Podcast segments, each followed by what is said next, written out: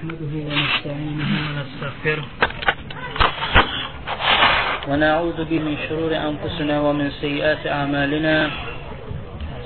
من يهده الله فلا مضل له ومن يضلل فلا هادي له.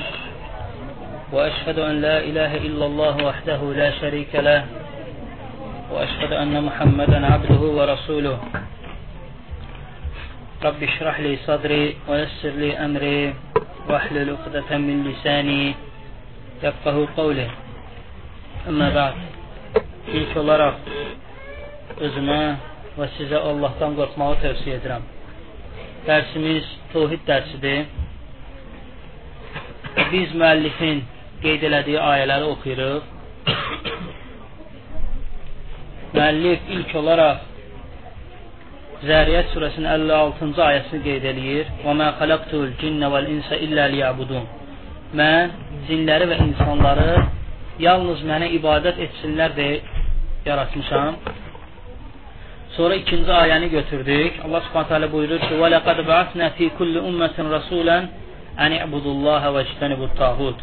Biz hər bir ümmətə Allaha ibadət edin və tağutdan çəkinin deyə elçilər göndərdik. Sonra üçüncü ayəni götürdük. "Və qada rabbuka alla ta'budu illa iyyahu və bil valideyni ihsana." Sizin Rəbbiniz yalnız ona ibadət etməyi buyurmuşdur. Sonra dördüncü ayəni götürdük və abudullaha və la tuşriku bihi şeyə Allaha ibadət edin və ona heç bir şey şərik qoşmayın. Və beşinci yeni dərsimizdə indiki ayəni götürürük. Allah Subhanahu taala buyurur ki: "Kul ta'alu atlu ma harrama rabbukum aleykum alla tushriku bihi şey'a." Allah Taala buyurur ki: "De, gəlin Rəbbiniz sizə nələri haram, haram etdiyini oxuyun.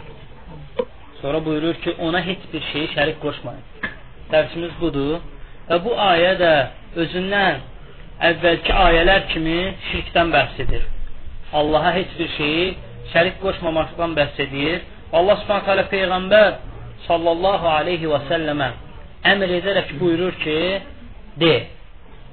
Əmr edir ki, insanlara çatdırsın və Peyğəmbər sallallahu aleyhi və sələmə əmr edirsə, demək, əmr edən kimdir? Allah taaladır. Allah taala bu ayədə də digər ayələrdəki kimi nəyi əmr edir? Ona şərik qoşmamağı əmr edir. Bu ayədə Allah taala buyurur ki: "Qul ta'alu aslu ma harrama rabbukum." Buyurur, gəlin Rəbbiniz sizə nəyi haram etdiyini oxuyun. Allah Taala burada demir Allah sizə nəyə əmr etdiyini oxuyun. Deyir ki, Rəbbiniz. Burada Rəbb sözü işlətməyi daha münasibdir. Nəyə görə? Çünki qul bilir ki, Rəbbi ona nəyi əmr eləyirsə, onu yerinə yetirməlidir. Hər bir qul bunu dərk eləyir. Allah Taala ona görə burada Rəbb sözünü işlədir. Yəni Rəbbin hər bir haqqı var ki, qula hər bir şeyə əmr eləsin və qul onu yerinə yetirsin. Allah Subhanahu taala burada da digər ayələrdəki kimi buyurur ki: Allaha ibadət edin, ona heç bir şey şərik qoşmayın. Yəni yenə də burada heç bir şey deyir. Şey deyəndə, yəni bildirmir nəyi. Ona görə bu ümumi bir kəlmədir, şey. Bunun altına hər bir şey girir. İstəyir peyğəmbər olsun, istəyir mələk olsun, nə olur olsun, onu Allaha şərik qoşmaq olmaz. Bu ayəni də e, geniş şərh eləmirik, çünki o biri ayələr kimi şirkdən danışır. Sonra müəllif İbn Məsudun əsərini gətirir. Əsər nədir? Ümumiyyətlə hədis Peyğəmbər sallallahu aleyhi və səlləmdən rəvayət olunan şeylərə hədis deyilir və sahabələrdən gələn sözlər, hərəkətlərə isə əsər deyilir. Amma bəzi alimlər həm əsər, həm hədis sözünü elə ikisinə də işlədiblər. Amma ümumən belə hədis Peyğəmbər sallallahu aleyhi və səlləmin varid olan sözlərə, hərəkətlərə və əməllərə deyilir. Ancaq əsər isə sahabələrdən və yaxud da sələf-i salihdən gələn sözlərə və yaxud hərəkətlərə deyilir. İbn Məsud buyurur ki, kim ki Peyğəmbər sallallahu aleyhi və səlləmin üzərində möhrü olan vəsiyyətini oxumaq istəyirsə, bu ayəni oxusun. Sonra həmin bu Ən'am surəsinin 151-ci ayəsini oxuyur. Qul ta'alu atlu ma harrama rabbukum aleykum əllə tuşriku bihi şeyən. De, gəlin Rəbbiniz sizə nəyi haram, et, nəyi haram etdiyini oxuyun, ona heç bir şey şərik qoşmayın. Bu əsəri Tirmizi rəvayət edir. Tirmizi rəvayət edir. Ancaq Şeyx Albani buyurub ki, bu əsər zəifdir. Və eləcə də əksər alimlər buyurur ki, bu əsər zəifdir. Yəni İbn Məsuddan Allah ondan razı olsun dediyi bu söz varid olmayıb. E, İbn Məsud da keçən dərsimiz, dərslərimizdə dediyi kimdir? Abdullah İbn Məsud, İbn Qafil, İbn Həbibdir. Peyğəmbər sallallahu aleyhi və səlləm onu Əbu Abdurrahman olaraq adlandırmışdır, kunyə ilə çağırmışdır. E, İslam'a əv ən əvvəl, ilk əvvəl qəbul eləyənlərdəndir və qeyd elədik ki, Buxari və Muslim ondan 64 dənə hədis rəvayət ediblər, ikisi bir yerdə. Buxari təklikdə 21, Muslim isə təklikdə 35 dənə ondan hədis rəvayət edib. İbn Məsud radiyallahu anhunun fəziləti çoxdur. Ancaq onu qeyd eləmək kifayətdir ki, Peyğəmbər sallallahu aleyhi və səlləm ona Quran oxutması və yaxud deməsi ki, Quranı dörd şəxsdən götürün, onlardan da biri Abdullah ibn Məsud idi. Və yaxud da sahabələrin onu uca tutması, bəzi məsələlərdə ondan soruşması o sahabəni böyük sahabə olduğuna dəlalət edir. Həmçinin Abdullah ibn Məsud radiyallahu anhu buyurur ki, biz deyir 10 ayə öyrənirdik, 10 ayə əzbərləyirdik, sonra gedib onun hökmlərini öyrənirdik və sonra ona əməl edirdik Və sonra gəlib yeni 10 ayə öyrənirdi ki, bu onun elmli sahabələrdən olmasını dəlalət edir. Bu onun elmli sahabə olmasını dəlalət edir. Həmçinin Abdullah ibn Məsud radiyallahu anhu buyurur ki, deyir, elə bir ayə yoxdur ki, o ayənin harada nazil olduğunu, kimə görə nazil olduğunu və nə səbəbdən nazil olduğunu mən bilməyim. Və bu da dəlalət eləyir ki, İbn Məsud ən böyük, ən fəzilətli sahabələrdən biri idi. Şəbi buyurur ki, onun kimi elmli şəxs, elmli sahabə Kufəyə girməmişdi. O daxil olanda bu sözü deyir. Və 63 yaşında vəfat eləyir. Osman ibn Affan radiyallahu anhu xəlifə olduğu dövrdə vəfat eləyir və Osman radiyallahu anhudan 2 il öncə vəfat eləyir. Abdullah ibn Məsud buyurur ki, həmin o Abdullah ibn Məsud kim ki Peyğəmbər sallallahu aleyhi və səlləmin üzərində mührü olan vəsiyyətini oxumaq istəyirsə bu ayəni oxusun və qeyd elədiyimiz ayəni oxuyur. Ümumiyyətlə İbn Məsud bu sözü nəyə görə deyir? Axı Peyğəmbər sallallahu aleyhi və səlləm yaza bilmirdi. Yaza bilmirdi. Necə ki Allah Subhanahu taala onu Quranda vəsf eləyəndə buyurur ki, yazı və oxumağı bacarmayan bir peyğəmbər. Yəni peyğəmbər səsən nə yazmağı bacarırdı, nə də oxumağı bacar. Necə özü hədisdə deyir ki, biz elə bir qövmük ki, nə yazmağı, nə də e, oxumağı bacarıq deyir. Və nəyə görə Abdullah ibn Məsud deyir ki, peyğəmbər səsən vəsiyyət eləmişdi, yazmışdı. Necə ki Peyğəmbər s.ə.v axı yazmağı bacarmırdı. Həmçinin buyurur ki, Peyğəmbər s.ə.v vəsiyyətini oxumaq istəyirsə, bu ayələri oxusun. Amma Əbu Cüheyfə buyurur ki, Əli radiyallahu anhdan soruşdum ki, Peyğəmbər sellem bizə nə isə bir şeyi vəsiyyət qoyub getdi, dedi, yox. Heç bir şeyi qoyub getmədi. Çünki Peyğəmbər sallallahu aleyhi və səlləm hər bir şeyi bəyan edib getmişdi. İbn Məsud nəyə görə bəs dedi? ki, hansı ki Peyğəmbər sallallahu əleyhi və səlləm möhrü onun üzərindədir o vəsiyyətin bu ayələri oxusun. O bu ayələrin əhəmiyyətini bildirmək üçün bu sözü deyir. Yəni Peyğəmbər sallallahu əleyhi və səlləm Peyğəmbər sallallahu əleyhi və səlləm İbn Məsud vəsf eləyir ki, elə bir Peyğəmbər sallallahu yazdı bu ayələri və möhürünü vurub ümməti üçün bunu saxladı. Yəni o qədər dəyərli ayələrdir. Bu ayələr dini şamil edən ayələrdir. Hardasa təxminən 10 ayədir İbn Məsud onları nəzərdə tutur. Yəni ona görə İbn Məsud bu sözü deyir. Kim ki möhrü olan peyğəmbər sallallahu üzərində möhrü olan peyğəmbər sallallahu vəsiyyətini oxumaq istəyirsə, bu ayəni oxusun. Bu ay ayənin əhəmiyyətini bildirmək üçün İbn Məsud bu sözü işlətdi. Və ilk olaraq Allah Subhanahu taala orada çox haqları sayır və ilk olaraq Allahın haqqını sayır. İlk ona heç bir şeyi şərik qoşmayır. Heç bir şeyi şərik qoşmayır. Lakin qeyd elədiyim kimi hədis, əsər, zəif əsərdir. Şeyx Albani bunu zəif saymışdır. Yəni, eləcə də digər alimlər bunun zəif olduğunu bəyan ediblər. Sonra müəllif bu babda demək olar ki, son hədisi gətirir. O da ki, Muaz İbn Cəbəl radiyallahu anhunun hədisidir.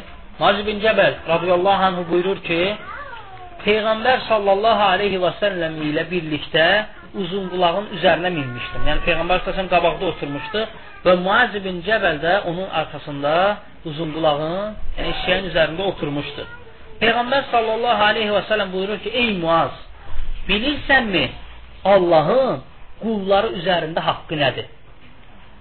Və eləcə də qulların Allah üzərində haqqı nədir? Dedim. Yəni Muaz radiyallahu anh buyurur ki, dedim. Allah və Rasulü bilir. Sonra Peyğəmbər sallallahu aleyhi ve sellem buyurur ki, Allahın qulları üzərində haqqı odur ki, ona ibadət etsinlər və ona heç bir şeyi şərik qoşmasınlar. Və qulların da Allah üzərində haqqı odur ki, ona şərik qoşmayanlara əzab verməsin. Qulların da Allah üzərindəki haqqı odur ki, ona şərik qoşmayanlara əzab verməsin. Düz, düz. Dedim, Ya Rasulullah, bunu insanlara çatdırırmı, müjdəliyimmi, insanları bununla müjdəliyimmi?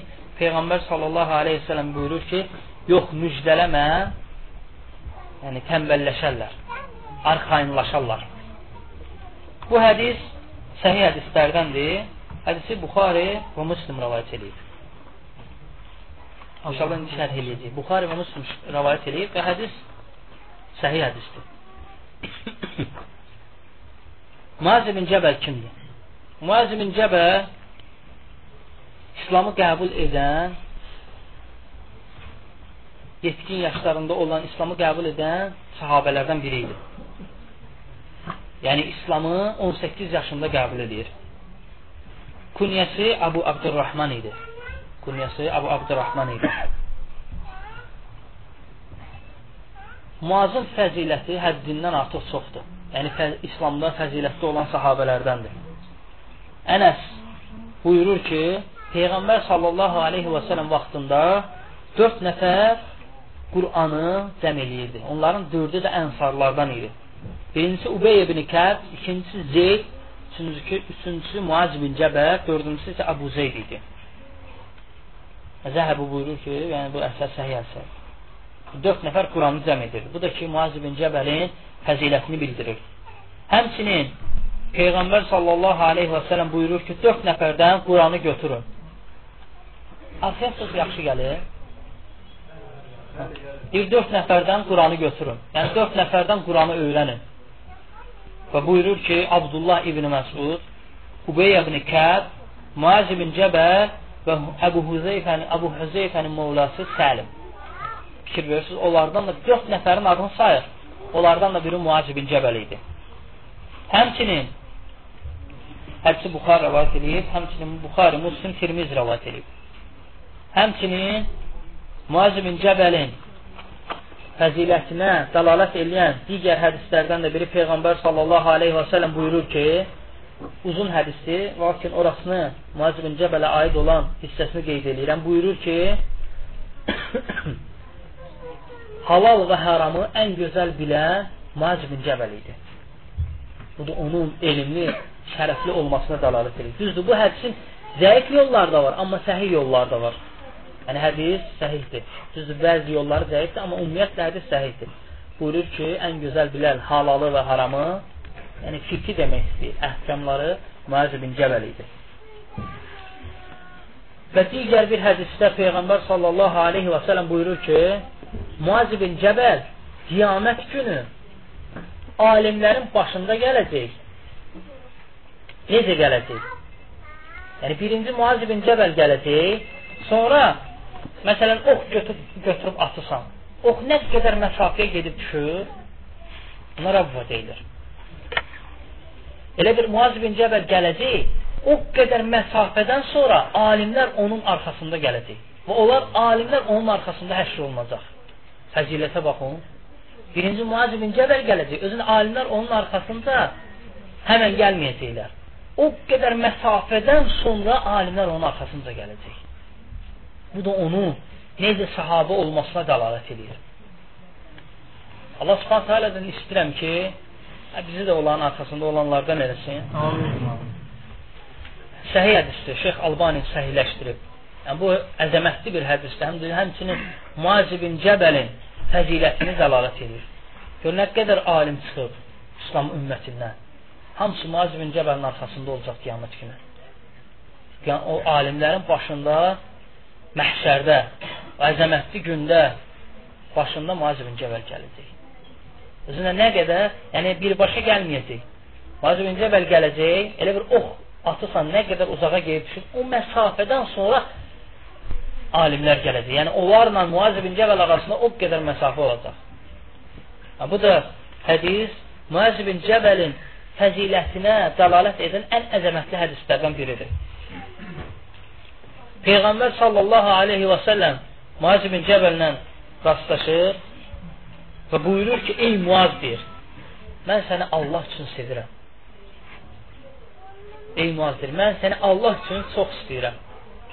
Təsəvvür edirsiniz, insana gəlib Peyğəmbər sallallahu desin ki, mən Allah üçün səni çox istəyirəm. Muaz ibn Cəbələ bu fəzilət qismət olur. Hədisi Abu Davud, Əhməd rəvayət edir və Şeyx Albani buyurur ki, hə, hədis səhihdir. Bu Muaz ibn Cəbəlin fəzilətinə dəlalət edir. Ömər radiyallahu anhu xütbə verir və buyurur ki, kim ki fik öyrənmək istəyirsə Muaz ibn Cəbəlin yanına gəlir. Muaz ibn Cəbələ müraciət eləsin. Xütbədən deyir onu. Bu, bu da o sahabənin əzəmətli, elmli, fəzilətli olmasına dəlalət edir. Sonra Ömər radiyallahu anh yanına qadınlar gəlir.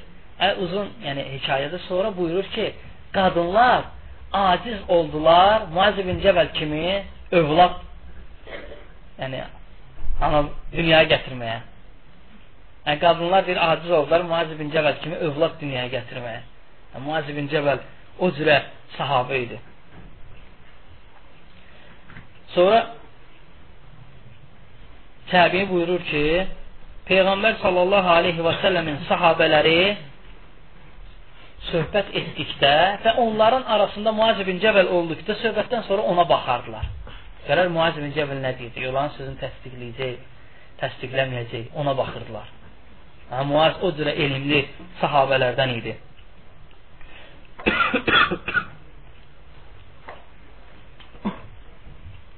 Sonra Əbu Sələmə Əl-Xovləni buyurur ki, Həmsin məscidinə daxil oldum və orada 30-dan çox Peyğəmbər sallallahu aleyhi və səlləmin səhabələri var idi.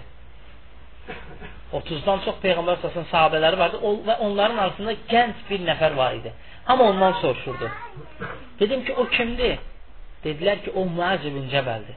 Ondan sonra deyir, onun sevgisi mənim qəlbimə daxil oldu. Bir cavan olmasına baxmayaraq, deyir, nə istəyirdinsə verirdi, deyir. İnsanı deyir, heç vaxt deyir, əli boş qaytarmazdı. Əli boş deyir, qaytarmazdı, deyir. Nə istəyirdinsə, nəyi var idisə, deyir, Allah yolunda onu deyir, verərdi.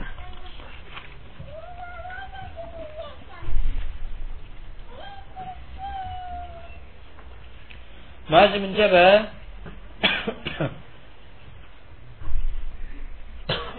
Peyğəmbər sallallahu aleyhi ve sellem Muaz ibn Cəbəli Yəmənə dəvətə göndərir. Yəni bunu bilirsiniz. Və Peyğəmbər sallallahu özü xəbər verir ki, taun xəstəliyi olacaq. Qiyamətin kiçik əlamətlərindəndir. Taun xəstəliyi yayılacaq və insanların əksəriyyəti məhv ediləcək. O Müəz ibn Cəbəldə taun xəstəliyi gələndə Yəməndə olur. Şamda olur. O zaman. Şamda olur və Müəz ibn Cəbəldə taun xəstəliyi tutaraq vəfat edir. Yəni şəhid olur. Onun vəfat etdiyi vaxtda 32 yaş olur.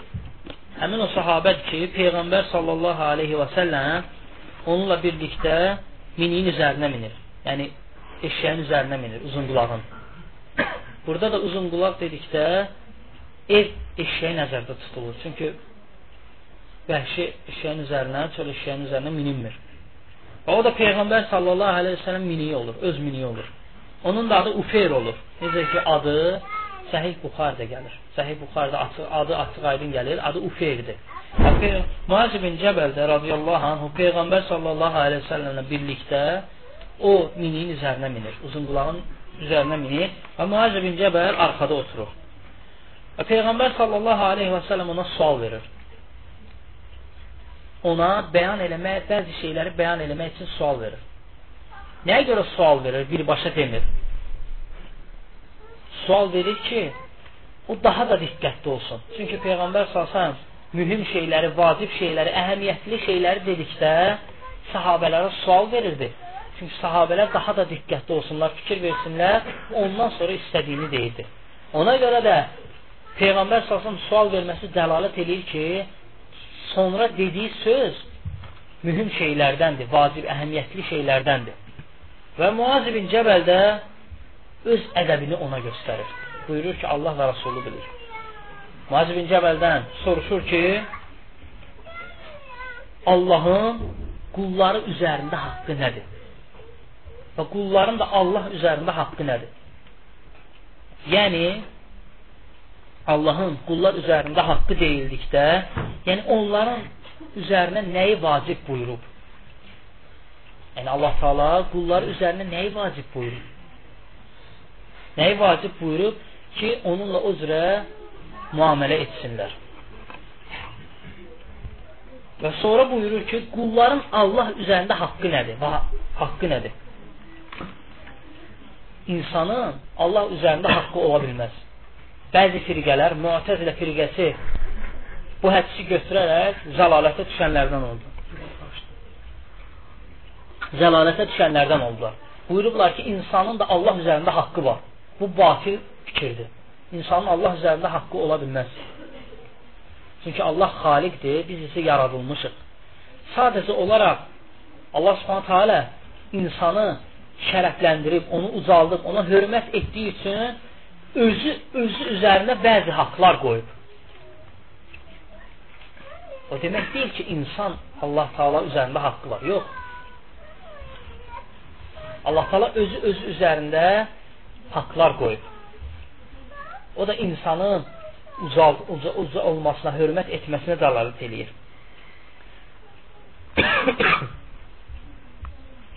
və Muaz bin Cəbəl də öz ədəbini göstərir, buyurur ki, Allah və Rasulü daha yaxşı bilir. Bu da alimlər də bu hədisin bu yerindən nəticə çıxardaraq buyururlar ki, tələbə də bu cür olmalıdır. Əgər soruşulan suala cavab verə bilmirsə, deməlidir ki, bilmirəm. Bilmirəm. Çünki bilməmək eyib deyil. Elə bir insan yoxdur ki, hər şeyi bilsin. Sahabələr, e, bəzi sələflərdən gəlib, e, insanların bütün sualına cavab verən dəlil, məcnundur. Çünki Allah subhanətə insanı naqis yaradır.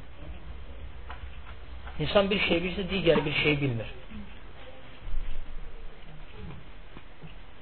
Bir şey bilirsə, digər bir şey bilmir. Əvvəlki dərslərimizdə qeyd elədik. İmam Məlikə Gəlib suallar verilir, bir neçəsini cavab verir, əksəriyyətini yox cavabı verir. Buyurur ki, mən gedim qövmünə nə deyim, mənə göndəriblər sənə cavab tapmaq üçün. Buyurur ki, gedin e, İmam Məlik deyir ki, bilmirəm. Bilmirəm demək eyib deyil. Bilməyib cavab vermək isə eyibdir. Həm də böyük eyibdir. eyiblə yanaşı ola bilsin, günah olsun, ola bilsin də həmin o əməl sahibini cəhənnəmə aparsın. Muaz bin Cəbəl də burada ədəbini göstərir ki, bilmirəm. Sonra Peyğəmbər sallallahu aleyhi və səlləm ona cavabı deyir. Deyir, buyurur ki, Allahın qulları üzərində haqqı odur ki, ona ibadət etsinlər və ona heç bir şeyi şərik qoşmasınlar. Yəni Allaha ibadət etsinlər və ona heç bir şey şərik qoşmasınlar. Bu Allahın insanlar üzərində haqqıdır. Necə ki, əvvəlki ayələrdən biz gördük. Hər bir insan Allaha ibadət etməlidir. Nəyə görə? Çünki Allah Subhanahu bizi məhz buna görə yaradıb. Bizim yaradılmağımızın hikməti səbəbi də budur. Biz və həmçinin cinlərin Allaha ibadət üçün yaradılmışıq. Ona görə buyurur ki, Allahın insan e, Allahın qulları üzərində haqqı odur ki, ona ibadət etsinlər.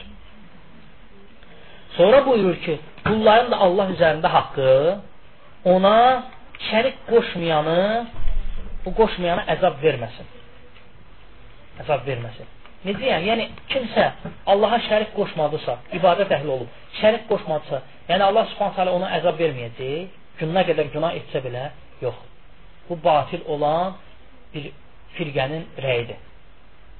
Əgər insan Allaha Allaha şərik qoşmursa və ona ibadət edib şərik qoşmursa, yəni Allaha ibadət edib və ona şərik qoşmayıb. Yəni Allaha təmiz qəlblə, Allahla təmiz qəlblə qarşılaşıb şirksiz. Ancaq günah əhli olubsa, günah edənlərdən olubsa, artıq onun bağışlanması Allahın istəyi altındadır. Ola bilsin Allah Taala həmin insanı bağışlasın, ola bilsin də bağışlamasın. Allahın istəyi altındadır. Əgər Allah Taala bağışladısa, cənnətə girəcək. Ola bilsin bağışlanmasın, amma o demək deyil ki, həmin insan cəhənnəmə düşəcək. Yox. Ola bilsin bağışlamasın, amma onun yenə də çox işləri, yaxşı işləri çox olduğuna görə pis istələ, işlərin istələsin də cənnətə getsin. Sadəcə olaraq onun yəni, cənnətdə olan dərəcəsi azalır. Onlar da bilsin, bağışlasın, o günah işləri, pis işləri silinsin və yüksək dərəcə ilə cənnətə getsin. Və yaxud da təvhid əhli də Allaha şərik qoşmayıb, ancaq böyük günah işlər görür və yaxud da yəni pis işlər həddindən artıq çox olub, həmin insan cənnətə düşsün, e, cəhənnəmə düşsün. Ancaq burada Allah Subhanahu taala e, peyğəmbər səsən buyurması ki, ona əzab vermə, e, Allah da e, qulun da Allah üzərində haqqı odur ki, ona şərik qoşmayana əzab verməsin. Yəni əbədi olaraq əzab verməsin. Yəni tövhid əhli cəhənnəmə düşsə də əbədi olaraq cəhənnəmdə qalmayacaq. Əbədi olaraq əzab görməyəcək. Nə vaxtsa oradan çıxacaq. Nə vaxtda onu Allah bilir. Hərən də öz günahına, öz aqibətinə görə olacaq.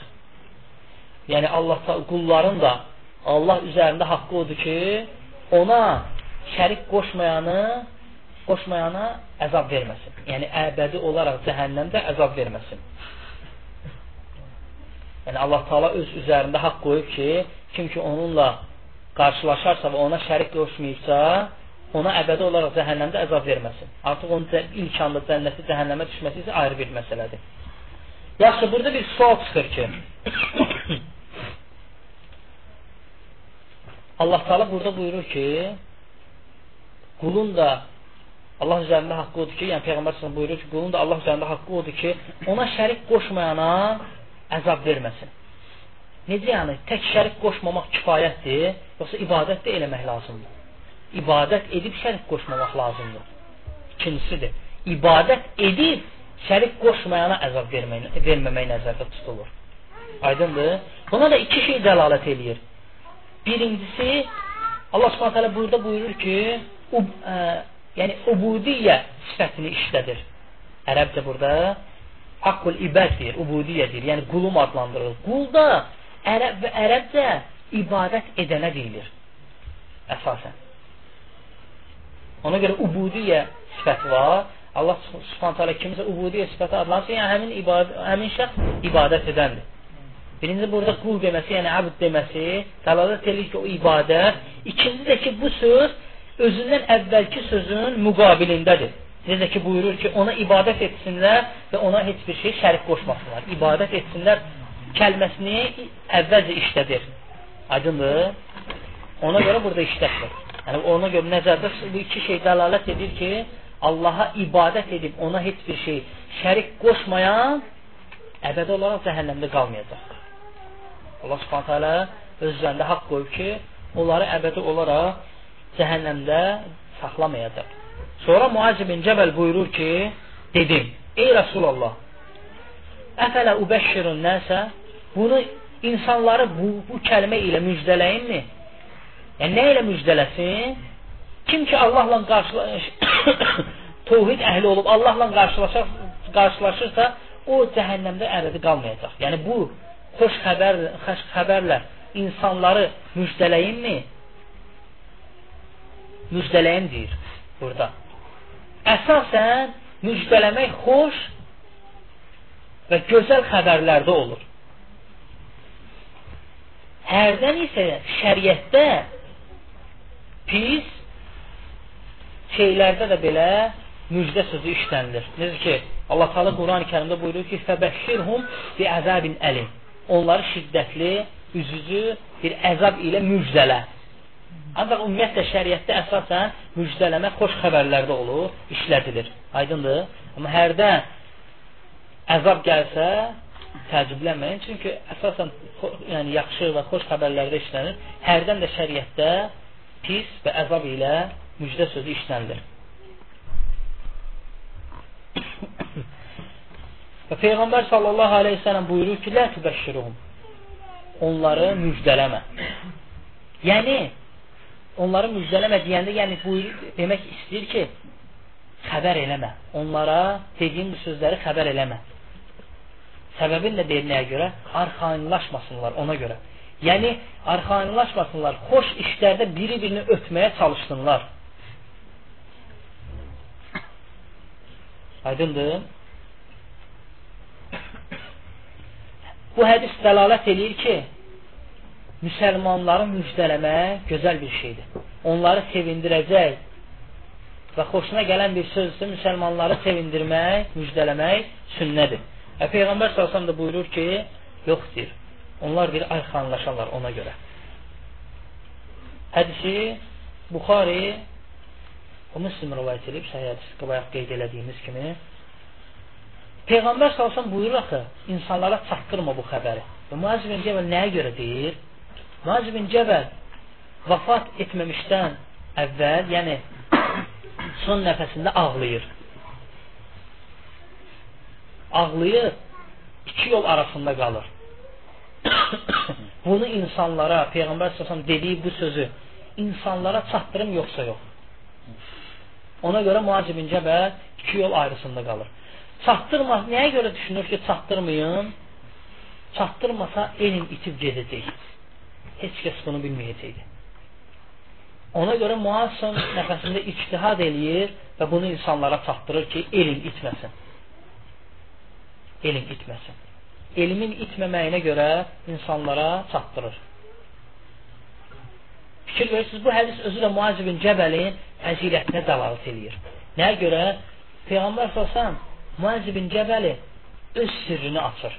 Hansısa bir şeyi ona deməklə xüsusiləşdirir onu. Həmçinin Muaz ibn Cəbəli onunla bərabər miniyin üzərinə mindirir. Və bu hədis özü dəlalət eləyir ki, dəlalət eləyir ki, əgər məsləhə varsa, elmi bəzən gizlətmək olar, bəzi hallarda və bəzən elmi gizlətmək olar. Əgər məsləhət deyilsə, demisən. Məsləhət deyilsə, elmi gizlədirsən, demisən. Çünki bu məsələni, bu hədsi, bu hədsi əksər sahabələr bilmirdilər. Muaz bin Cəbəl ölənə yaxın demişəm bu hədisi. Nə qədər var? Bu babı demək olar ki, bitirdik. Yəni, haradasa təxminən 4-5 ayə keçdi, bir əsər və bir hədis götürdük. Bu birinci bab idi, şirkdən bəhs edirdi. Kim ki bunu əzbərləyərsə, qabağında olanı dəlil gətirə bilər. Haradasa 4-5 ayədən lap, ikisi yadından çıxsın, ikisi yadından çıxsın, ona ikisini deyə bilər. Bu hədisi deyə bilər. Ona görə də çalışın əzbərə fikir verin. Bu babdan çoxlu faydalar və nəticələr çıxır. Bunlardan bəzisini qeyd eləyirik. Birincisi biz bildik ki, Allah Subhanahu taala insanları və cinləri nəyə görə yaradıb? Necə? Birinci ayədə buyurur ki: "Və mə xalaqtu cinnə vəl insə illə liyabudun." Mən insanları da, cinləri də yalnız mənə ibadət etsinlər deyə yaratmışam. Bəyan edir ki, onların yaratmağının səbəbi kef eləmələri, evlənmələri, yeyib içmələri deyil. Yaradılışlarının səbəbi Allaha ibadət etmələrdir. Bu ayədən biz bildik ki, biz nəyə görə yaradılmışıq? Bizi Allah Subhanahu nəyə görə yaradıb? Nəyə görə xəlq edib? Hikməti nədir? Faydalarından həmçinin bildik ki, ibadət təvhiddir. Çünki təvhidsiz ibadət olmur. Kim ki ibadət edirsə, təvhidi yoxdursa, o əməl ondan qəbul olunmur. Allah Subhanahu o əməli ondan qəbul eləmir. Peyğəmbər sallallahu aleyhi ve sellem buyurur ki, Allah Taala dedi. Quran ayəsidir. Yox, qüdsi hədisdir. Əgər Peyğəmbər sallallahu buyurursa ki, Allah Taala dedi, qüdsi hədisdir. Qüdsi hədislə ayənin fərqi nədir? Fərqləri çoxdur. Bəzi fərqlərini qeyd edirik. Ayə Peyğəmbər səsəm olduğu kimi çatdırır. Qüdsi hədisi isə məna ilə Peyğəmbər sallallahu aleyhi və səlləm bizə çatdırır. Həmçinin qüdsi hədis ayə sayılmır. Ona görə onu namazda oxumaq, eləmək, bu cür şeylər olmaz. Çünki qüdsi hədis ayə sayılmır. Allah Taala buyurur ki, mən deyir, şirkdən uzaqam. Kim ki əməl edərsə, hansısa bir şeyə əməl eləyərsə və o əməlində mənə, məni şərik, mənə şərik qoşarsa, onun əməlini və şirkini tərk edirlər. Yəni, o məndən uzaqdır. Onun əməli etdiyi əməl məndən uzaqdır. Yəni, qəbul olunmur o əməl. Qəbul olunmamağından əlavə həmin insanı əzab gözləyir qiyamət günə. Qəbul olunmamağına dəlil nədir?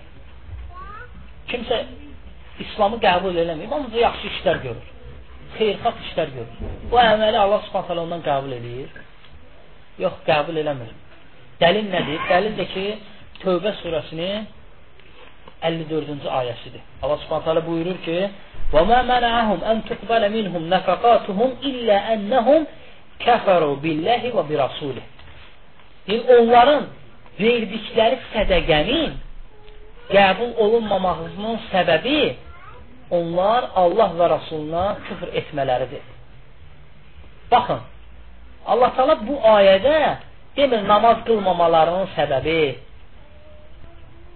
demir oruç tutmağının səbəbi və yaxud yaxşı ibadətləri demir. Burada sədəqələrini deyir, heç zəkat da demir, deyir, sədəqə vermələrini verirlər, amma onun qəbul olmamağının səbəbi Allah və Rasuluna küfr etmələridir. Nəyə görə sədəqəni deyir? Çünki sədəqə elə bir şeydir ki, Allah Subhanahu taala birinci bunu vacib buyurmur. Kim istəyər verər, kim istəyər verməz. Buna görə Allah Subhanahu taala onu qınamır. Bu bir. Ondan əlavə sədəqənin faydası insanlara dəyir. Həmçinin onlar da o münafiqlər ki, Peyğəmbər sallallahu vaxtında müşriklər ki, kafirlər ki, Peyğəmbər sallallahu vaxtında sədəqə verirlər və Allah Taala bu ayəni ki, nazil elədi, onlardan qəbul eləmir. Onun faydası kimə dəyirdi? ehtiyatsız insanlara dəydi. Onlar o sədəqəni ehtiyatsız insanlara verirdilər. Ehtiyac, ehtiyacı olan insanlara verirdilər. Sədəqə ehtiyacı olan insanlara verirlər. Onunla bərabər Allah Subhanahu bu əməli ondan qəbul eləmir. Ona görə Şeyx Hüseymin deyir ki, əgər Allah Subhanahu sədəqəni onlardan belə qəbul eləmirsə, demək ki, o biri əməlləri demək olar ki, ümumiyyətlə qəbul eləmir. Həmçinin biz bu babdan bildik ki, Allah Subhanahu taala peyğəmbərlər göndərib. Və onun səbəbini bildik ki, Allah Taala nəyə görə peyğəmbərlər göndərib? Necə əvvəlki qeyd elədiyimiz ayədə Allah Subhanahu taala buyurur ki: "Və laqad ba'athna fi kulli ummatin rasulan an ibudullaha və ijtanibut tağut." Biz hər bir ümmətə Allaha ibadət edin və şirkdən çəkinin deyən peyğəmbərlər göndərdik. Bildik ki, peyğəmbərlərin gəlməsinin səbəbi də məhsudur. Allah tək Allahlığa dəvət eləmək və insanları şirkdən çəkindirmək. Həmçinin bildik ki, hər bir ümmətə peyğəmbər göndərilib. Hər bir ümmətə peyğəmbər göndərilib və sonuncu peyğəmbər də Muhammed sallallahu aleyhi və səlləm bizim peyğəmbər ki, bütün insanlara göndərib. Bütün insanlara göndərib və qiyamətə qədər din budur. Allah dərgahında qəbul olan din budur. Həmçinin bildik ki, bütün peyğəmbərlərin dini eynidir. Bütün peyğəmbərlərin dini eyni olub. Tək Allahlığa dəvət ediblər.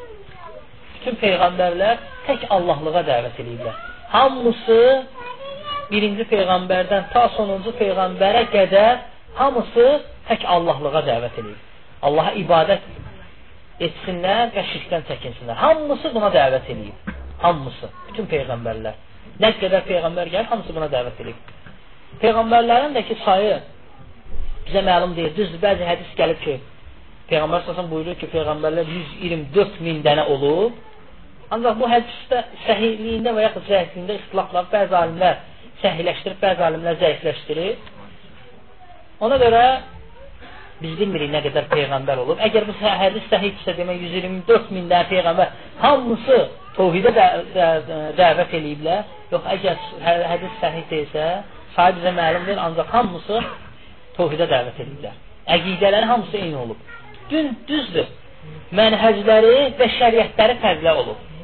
Necə Allah Subhanahu taala buyurur ki: "Likullin ca'alna minkum şir'atan və minhaca." Məidə surəsi 48-ci ayə. Onların hər birinə şəriət və yol verdik.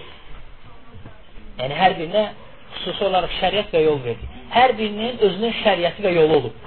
Görürsən, bəziləri fərqli olub bizim şəriətdən. Misallar da ki, Allah Subhanahu taala Qurani-Kərimdə və yaxud Peyğəmbər və səlləm hədislərində çoxunu qeyd edib. Məsələn, necə ki, Musanın qovmu olur, e? tövbə etmələrindən neyələn deyir? Deyir ki, fəqtülü anfusakum, özünüzü öldürün. Bunların tövbəsi özünü öldürməkdir. Amma indi baxın, Allah subhanətələ bizə necə rəhm eləyib, bizə dini necə hasanlaşdırıb. Tövbə eləmək adidir. Tövbə eləyirsən, şərtlərinə əməl ed şərtlərinə əməl edib tövbə eləndə Allah Subhanahu tövbəvi qəbul edir. Öldürməyə ehtiyac yoxdur. Özünü öldürməyə ehtiyac yoxdur. Amma onların şəriətinə baxın necə çətin idi. Və yaxud da onların şəriətində paltarıma nəcəsət düşdüsə, paltarın o yerini kəsib tullamalısan. Və yaxud da həmin paltarı tamamilə tullamalısan. Amma bizdə baxın necə rahatdır. Yumaqla təmizləməklə gedir. Allah Subhanahu dini bu cürə bizim üçün asanlaşdırır. Ancaq onunla belə görürsən ki, insanlar Allahın dinindən uzaqdırlar. Belə misallar çoxdur, həddindən artıq çoxdur. Baxın, ən gözəl şəriət də Allah Subhanahu sonuncu peyğəmbəri Məhəmməd peyğəmbər sallallahu verib. Ən hasanlığını da bizə verib. Onunla belə görürsən ki, insanların çoxu bu şeydən qafildirlər. Yenə də Allaha doğru dönmürlər. Həmçinin bu babdan çıxan faydalardan da biri odur ki, insan tağuta küfr etməyincəyə qədər Allaha təmiz ibadət etmiş olmur. O etdiyi ibadət heç nədir, ondan qəbul olmur. Kimsə desə ki, mən Allaha ibadət eləyirəm və ona şərik qoşuram, artıq onun etdiyi əməl puça çıxır. Çünki iki şey bu biri-birindən ayrılmaz bir şeylərdir. Allaha şərik qoş, e, Allaha ibadət etmək və ona heç bir şey şərik qoşmaq. Bax, bu iki şey biri-birindən ayrılmaz bir şeydir. Bunların biri-birindən ayrılınsa qəbul olunur. Allaha ibadət edirsənsə ona şərik qoşsansa, bu əməl səndən qəbul olunmur. Eləcə də Allaha şərik qoşmursansa, ibadət eləmirsənsə, bu da elə həmin şeydir. Burada bir məsələni xatırlatmaq istəyirəm. Şeyx Hüseymin buyurur. Buyurur ki, kimsə şirk, küfür və yaxud lənət olunan bir əməli edirsə, ona müşrik, kafir və yaxud da lənət olunmuş demək düzgün deyil. Yəni, bu, yəni mən öz sözüm deyil, Hüseynin sözüdür, yad deyirəm. Sonra yəni problemlər çıxmasın. Hüseynin sözüdür. Qovlu Mufid kitabı, kitabı 1-ci 51-ci səhifədə buyurur ki, kimsə yəni küfr edirsə və yaxud şirk edirsə və yaxud da lənət olunmuş bir əməli edirsə, ona müşrik kafir və yaxud da lənət olunmuş kimsə demək olmaz. Çünki orada səbəblər və maniyələr var. Onları bilməyincəyə qədər hər bir insana bu adı qoymaq olmaz. Məsələn, kimsə Hüseymin buyurur ki, Şeyh Hüseymin buyurur ki, sələm yeyir. Yəni, sələmin də lənət olunmasına, olunmasına görə şübhə yoxdur. Çünki sələm yeyirsə, Allah s.ə. lənət edir. İndi kimsə lənət, indi kimsə indi sələm yeyir faizçiliklə yeyir, dolanır. Biz ona deyə bilərikmi? Həmin insan lənət olunmuşdur. Yəni, lənətlənib o insan. Hüseymin buyurur ki, yoxdur. Çünki orada səbəblər var və maniyələr var. Ona görə kiməsə, kimsə görürsən ki, deyir, Allaha şərik qoşursa və yaxud da şirk, e, küfr edirsə, deyir, ona deyir, səbəblər, onun deyir, səbəblərini və orada olan maniyələri bilməyincəyə qədər ona kafir və yaxud müşrik deyə bilmərsən. Umumi olsaydı, umumi olsaydı. Birinci Peyğəmbər sallallahu aleyhi və səlləmin sahabəsi Bilal radiyallahu anhını kafir görərdik. Çünki Bilal radiyallahu anhu Allah ondan razı olsun cənnətli bir insandır. Şirk qoşur Allaha. Yəni Allahdan başqa ibadətə layiq olan Tanrı var. Deyir bu sözü. Bu sözü də deyəm nədir? Müsəlmana yaraşan sözdür. Yox. Bu insanı dindən çıxardan bir kəlmədir. Ancaq onun dində qalmasını Allah Subhanahu taala ayə nazil endirir. Ayə nazil endirir ki, o müsəlmandır, dindardır və ona görə o qınanılmır. Nəyə görə? Çünki orada səbəb və maniyələr var. Çünki o, o məcbur edilir ona görə. Demək, məcbur edildikdə bu da bir səbəblərdən biridir. Həmin insan təkfir olunmur. Bu mənim sözüm deyil, bu Şeyx Hüseyminin sözüdür. Eləcə də həmçinin buyurur ki, kim e, Ramazan ayını deyir, oruç tutarsa, iman özünü hesaba çəkə-çəkə oruç tutarsa, Allah Subhanahu taala deyir, onun deyir, bütün günahlarını bağışlayar. İndi kimsə oruç tutdu. Kimsə oruç tutdu. Deyə bilərsənmi Allah Subhanahu onun bütün günahlarını bağışladı? Niyə görə deyə bilmərsən? Umumidir hökm, deyə bilmərik. Aydındır? Eləcə də Peyğəmbər sallallahu necə hədisdə bəyan edir? 72 firqə cəhənnəmə, bir firqə cənnətə girəcək. O bir firqəni daşıyan deyə bilərsən ki, filan kəs cənnətlidir? Yox, deyə bilmərsən. Bu ümumi hökmdür. Ona görə ümumi hökm ayrıdır, xüsusi hökm ayrıdır. Aydındır? Həmçinin biz bu babdan bildik ki, Allahdan başqa ibadət olunan hər bir şey tağut adlanır.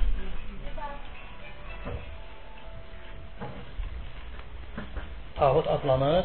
Həmçinin biz bu babdan fayda çıxardırıq ki, əgər orada məsləhə varsa, elmi gizlətmək caizdir. Bəzi hallarda elmi gizlətmək caizdir. Necə ki, Muaz ibn Cəbəl radiyallahu anh elmi gizlədir demir, ölümünə yaxın bunu qeyd edir. Nəyə görə?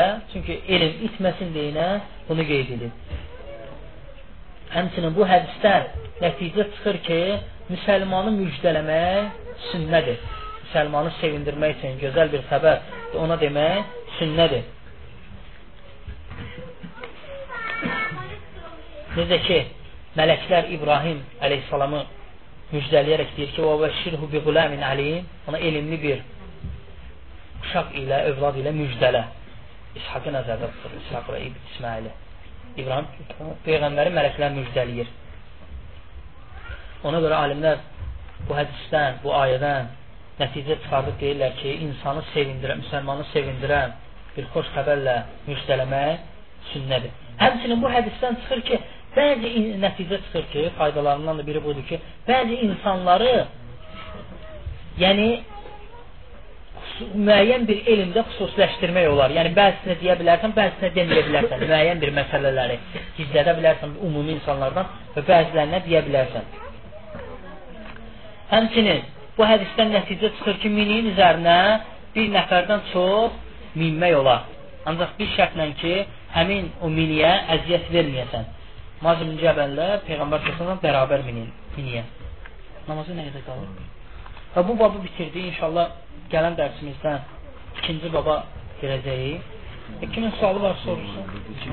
Həmin səhabə, səhabə Bilaldır, yoxsa söyle Ammar ibn Yasirdir, hansı ayət olur? Ha, mən, qardaş da mən Bilal dedim. Hə, hə. Hə, qardaşlar, üzr, yəni, həmin səhabə Ammar ibn Yasir olur. Yəni, bağışlayın, yəni. Ayə inşallah istəyirəm. Allah, Allah o qardaşdan razı olsun, xatırlatdı. Yəni, şəxs almışam, Bilal yox, Ammar ibn Yasir. Mən Bunun deməyinin səbəbi o... Buyur, hə, hə.